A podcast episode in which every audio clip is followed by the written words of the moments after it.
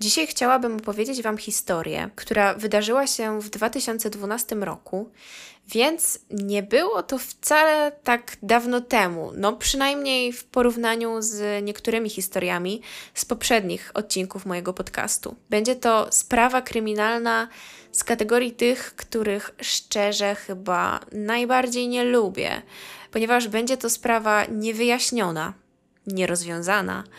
Taka, która zostaje w pamięci na długo i faktycznie gdzieś tam nie pozwala o sobie zapomnieć.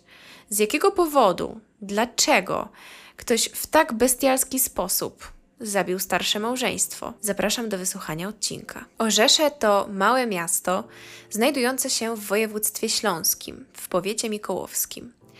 Według danych na 2020 rok Miasto to liczyło niecałe 21 tysięcy mieszkańców. Położone jest na południowej krawędzi Wyżyny Śląskiej i przepływają przez nie dwie rzeki Gostynia oraz Bierawka. To właśnie tutaj, w Orzeszu, mieszka małżeństwo Jadwiga i Franciszek Bończyk. Ich dom znajduje się przy ulicy Pasieki w dzielnicy Zawiść. Biały, piętrowy, znajduje się niedaleko lasu, w zielonej okolicy. Małżeństwo ma też sporą działkę i miejsce to wygląda na takie, w którym zdecydowanie można odpocząć. Jadwiga i Franciszek są parą od 60 lat, co jest niesamowitym wynikiem. Kobieta ma 86 lat, a jej mąż jest od niej o rok starszy. Ma 87 lat. Biorąc pod uwagę ich wiek, małżonkowie są całkiem sprawni fizycznie, ale mimo to korzystają jednak z pomocy innych osób. Kilka lat wcześniej wspierała ich córka, ale niestety zmarła, dlatego też często przychodzą do nich na zmianę dwie opiekunki z Miejskiego Ośrodka Pomocy Społecznej. Emeryci mają całkiem dobre relacje i kontakty ze swoim zięciem, ale nie może on im poświęcać wystarczająco dużo czasu, no ponieważ sam musi pracować, zarabiać na swoje utrzymanie i zajmować się swoimi sprawami. Państwo Bończyk ma jeszcze jedno dziecko, syna, który również im pomaga, jeżeli akurat może. Jadwiga oraz Franciszek są znani i lubiani w sąsiedztwie. Ludzie dobrze o nich mówią, twierdzą, że małżeństwo jest bardzo sympatyczne, życzliwe, podobno rzadko kiedy się kłócą, raczej starają się żyć w zgodzie, Pomagają też swoim sąsiadom na tyle, na ile mogą, no i są dla nich gościnni. Przez kilka lat prowadzili swoją działalność gospodarczą, kurzą fermę, dlatego też otoczenie opisuje ich jako osoby majętne, które mogą mieć sporo oszczędności. Dzielnica, w której mieszkają, określana jest jako miejsce bezpieczne, spokojne, gdzie nic złego nigdy się nie dzieje. Ludzie często nie zamykają swoich samochodów, a niektórym zdarza się nie zamykać domów na klucz. Czasami nawet na noc. Wszyscy wszystkich znają, dużo o sobie wiedzą. Z ulicy nie słychać awantur i nigdy też nie doszło w tym miejscu do żadnej kradzieży ani do innych przestępstw. Nie ma tu też zbyt wielu przyjezdnych, raczej sami lokalsi, jeśli można tak powiedzieć. 24 kwietnia 2012 roku, we wtorek rano, Franciszek poprosił swojego syna o to, żeby ten zawiózł go na badania do przychodni lekarskiej. Jadwiga natomiast ma zupełnie inne plany i jedzie wraz ze swoim zięciem na zakupy. Mniej więcej około godziny 9 rano kilku sąsiadów widzi, jak kobieta wraca do domu z torbami. Franciszek przyjeżdża także od razu po badaniach. Jakiś czas później odwiedza ich listonoszka, która wręcza Jadwidze jej emeryturę. Emerytura ta wynosiła 900 zł.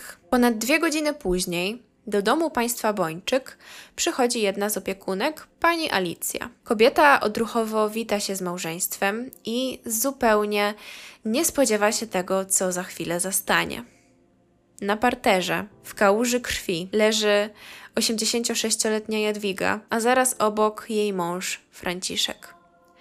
Oboje mają mnóstwo ran na ciele, a miejsce to wygląda jak z jakiegoś horroru. Przerażona i zszokowana opiekunka od razu wzywa karetkę.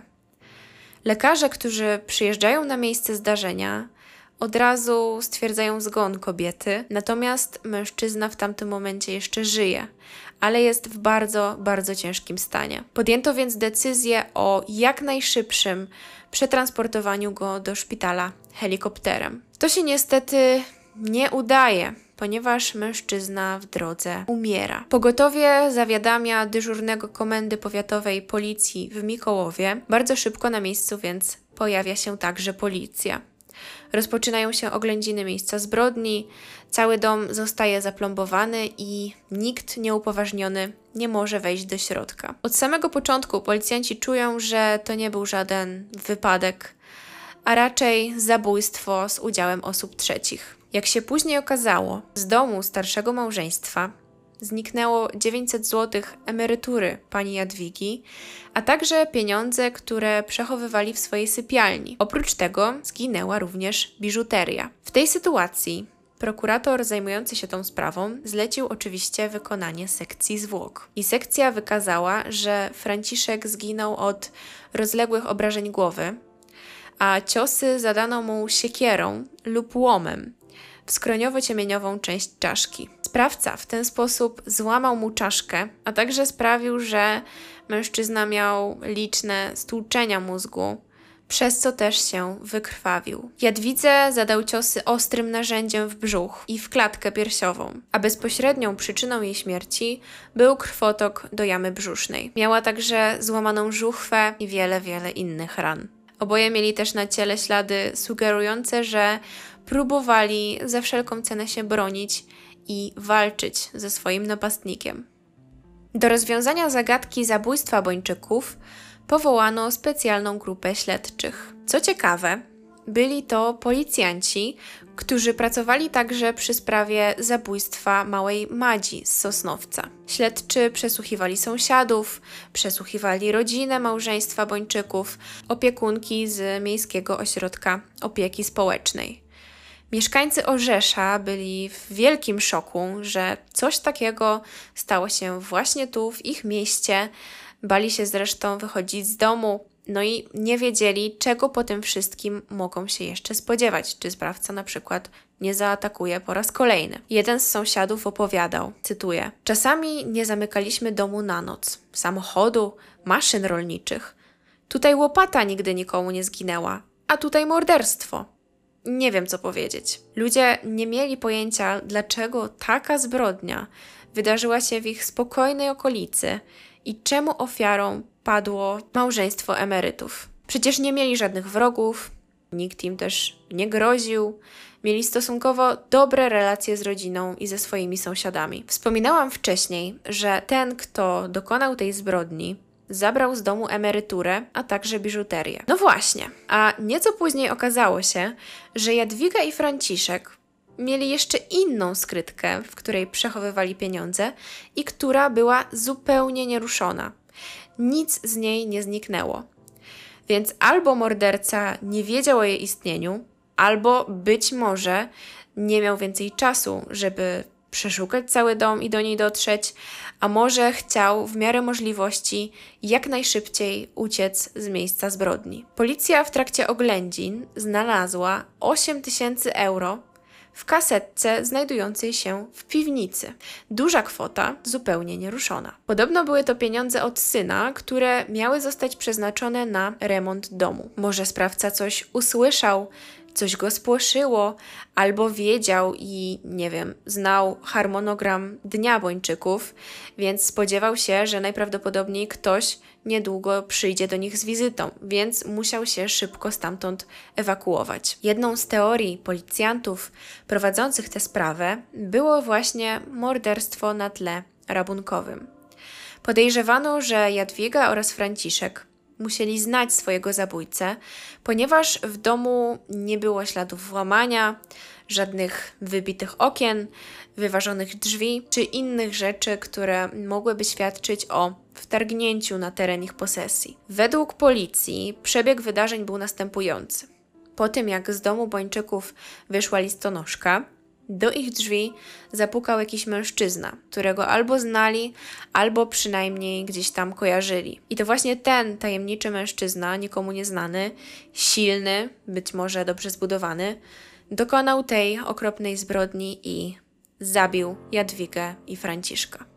W trakcie śledztwa okazało się jeszcze, że małżeństwo resztę swoich oszczędności przechowywało w banku, więc może ta osoba akurat nie miała takich informacji na ich temat, Może wiedziała po prostu, kiedy listonosz roznosi w okolicy emerytury i liczyła, że w domu ci ludzie mają więcej pieniędzy. Oczywiście prześledzono i przeanalizowano wyciąg z konta bankowego, historię przelewów, sprawdzono także ich bilingi telefoniczne, ale nie znaleziono nic podejrzanego, co mogłoby mieć związek ze sprawą.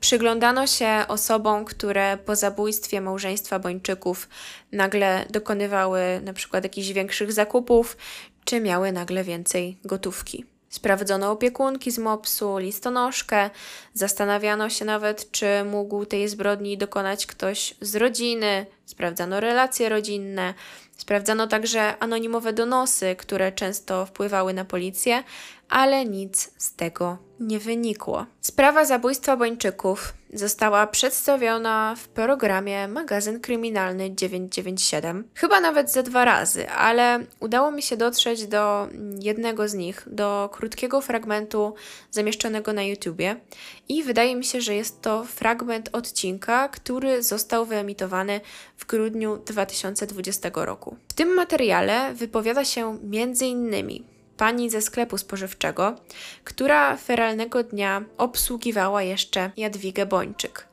Zięć Jadwigi i Franciszka opisuje przebieg tego dnia z jego perspektywy. Opowiada o tym, jak pojechał z teściową do sklepu, bo Franciszek tego dnia się źle czuł. Sąsiedzi w miły sposób wypowiadają się o małżeństwie Bończyków. Mówią, że byli to ludzie zaradni, pracowici. Nikt nie spodziewał się, że spotka ich taki los. Pan prokurator potwierdza, że zostali oni zaatakowani w celu rabunkowym, a zginęli od uderzeń zadawanych z dużą siłą. Tłumaczy, że sprawcą najprawdopodobniej jest mężczyzna w wieku około 50 lat. To mężczyzna bezwzględny, który działa bez żadnych zahamowań i mógł znać swoje ofiary. Podczas śledztwa pojawił się jeszcze świadek, który twierdził, że w dniu kiedy zginęli Jadwiga i Franciszek, widział, jak dwóch młodych mężczyzn podobno kłóciło się przed ich domem. Podsłuchał zresztą kłótnie i zeznawał w tej sprawie, ale ja nie znalazłam jakichś bardziej szczegółowych informacji na ten temat, żadnego opisu tych mężczyzn, o co oni mieli się kłócić, ani nic w tym rodzaju.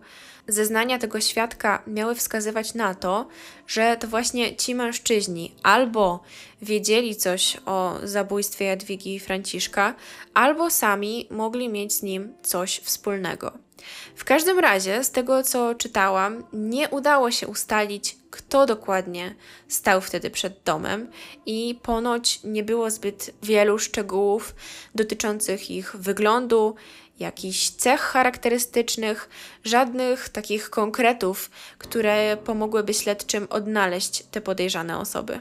Zaczęto się także przyglądać innym zbrodniom popełnionym w tym okresie w województwie śląskim, ale nie znaleziono żadnych podobieństw. Policjanci wykluczyli więc tym samym opcję, że mógł być to jakiś seryjny morderca. Mimo wszystko, mimo wszelkich starań, nie udało się odnaleźć mordercy małżeństwa Bończyków i w związku z tym 16 kwietnia 2013 roku śledztwo w tej sprawie zostało umorzone. Od momentu umorzenia sprawą zajmuje się Wydział Kryminalny Komendy Wojewódzkiej Policji w Katowicach. Prokurator twierdzi i przekonuje zresztą, że umorzenie tej sprawy wcale nie oznacza, że nikt się nią nie zajmuje i nie próbuje odnaleźć mordercy Bończyków. Jeden z policjantów zajmujących się tym morderstwem mówi, że na razie nie ma żadnego większego przełomu, czy też tropu, który pozwoliłby odnaleźć sprawcę tej zbrodni. Tłumaczy też, że podczas oględzin miejsca zbrodni obecny był również profiler kryminalny i to właśnie profiler przeanalizował y, całe miejsce tego zdarzenia i doszedł do takiego wniosku, że Jadwiga i Franciszek znali swojego zabójcę i nie mieli jakiegoś większego problemu z wpuszczeniem go do siebie do domu. Twierdził on jednak, że nie była to osoba z ich lokalnego środowiska, z najbliższego otoczenia. Uważał też, że było to zabójstwo okazjonalne. Nie było w tym przypadku też nic, co wskazywałoby na to, że doszło do tak zwanego nadzabijania, overkill, gdzie sprawca wyjątkowo znęca się nad swoją ofiarą i zadaje jej zbyt wiele ciosów i ran, niż jest to potrzebne, żeby pozbawić ją życia. Nikt Bończyków nie torturował przez długi czas w celu zdobycia jakichś informacji, na przykład gdzie przechowują pieniądze i różne inne rzeczy. Tak jak już mówiłam wcześniej, zarówno Franciszek i Jadwiga zginęli od wielu ciosów. Mężczyzna prawdopodobnie od siekiery, kobieta otrzymała cios ostrym narzędziem w brzuch. No właśnie, udało się to ustalić, ale narzędzia zbrodni nigdy nie odnaleziono. Sprawca musiał więc zabrać je ze sobą. Przeszukano całą posesję, użyto do tego wykrywacza metalu i innych środków, ale nic to nie dało. Może uda się kiedyś odnaleźć narzędzie zbrodni i dzięki temu po nitce do kłębka dotrzeć do mordercy Jadwigi i Franciszka. W jednym artykule z kwietnia 2015 roku znalazłam fragmenty rozmów z policjantem, który mówi, że w dalszym ciągu zajmuje się sprawą tego morderstwa, ale co myślę, że jest e, ciekawe, tłumaczy, że skupiają się już na szukaniu sprawcy z zewnątrz, a nie z lokalnej społeczności. Może więc sprawca wcale nie był z okolicy, w której mieszkali Bończykowie? Bardzo jestem tego ciekawa. Po morderstwie Bończyków sąsiedzi i osoby mieszkające w okolicy zaczęły być już dużo bardziej ostrożne, zamykać drzwi i okna na noc, odwozić dzieci do szkoły, zwracać uwagę na wszystkie nowe osoby, na ludzi spacerujących wokół domów, którzy gdzieś tam zatrzymywali się na dłuższą chwilę. Podobno też w domu należącym do Jadwigi i Franciszka po ich zabójstwie mm, zamontowano kamery, a w okolicy można było zauważyć zwiększoną liczbę patroli policji. Po jakimś czasie jednak wszystko trochę się już uspokoiło, lecz do tej pory mieszkańcy Orzesza zastanawiają się, dlaczego doszło do tak okropnej zbrodni i kto za nią stoi. W kwietniu tego roku minęło już 9 lat od zabójstwa Jadwigi Franciszka, a do tej pory nie udało się odnaleźć sprawcy. Nie ma też wytypowanego żadnego podejrzanego. Z tego co wyczytałam w jednym źródle, Podobno sprawą tą nie zajmuje się w tym momencie Archiwum X, ale policjanci i prokuratura zapewniają, że tego wszystkiego tak nie zostawią i cały czas nad tym pracują. Podlinkuję Wam w opisie fragment odcinka magazynu 997. Teraz sprawdziłam, że faktycznie emisja tego odcinka miała miejsce 8 grudnia 2020 roku. Czy zabójstwo Jadwigi i Franciszka to zbrodnia doskonała? Nie wiem. Szczerze mam nadzieję, że nie i że może jeszcze kiedyś uda się tę zagadkę rozwiązać. Może ktoś sobie coś przypomni, może nawet jakiś najmniejszy, najdrobniejszy szczegół sprawi, że ta sprawa posunie się chociaż trochę do przodu, bo na razie stoi w martwym punkcie. Przekopałam cały internet i nie znalazłam już więcej szczegółów dotyczących morderstwa Bończyków, więc chyba na dzisiaj ode mnie to tyle. Dajcie znać, co wy myślicie, kto najprawdopodobniej mógł to zrobić i przede wszystkim dlaczego. Jestem bardzo ciekawa Waszych teorii. A może mieszkacie gdzieś w okolicy i pamiętacie coś z tego okresu? Zachęcam Was serdecznie do zasubskrybowania mojego kanału. Jestem bardzo, bardzo zadowolona, bo widzę, że na YouTubie obserwuje mnie już ponad 3000 osób, za co serdecznie Wam dziękuję. Można mnie również oczywiście słuchać na Spotify'u i innych platformach podcastowych. Mam taki nieśmiały plan, żeby odcinki w tym miesiącu, październiku, pojawiały się regularnie, w tygodniu i w godzinach wieczornych, czyli tak jak większość z Was zagłosowała w ankietach. I to już wszystko ode mnie. Nie będę więcej przedłużać. Do usłyszenia w kolejnym odcinku. Cześć!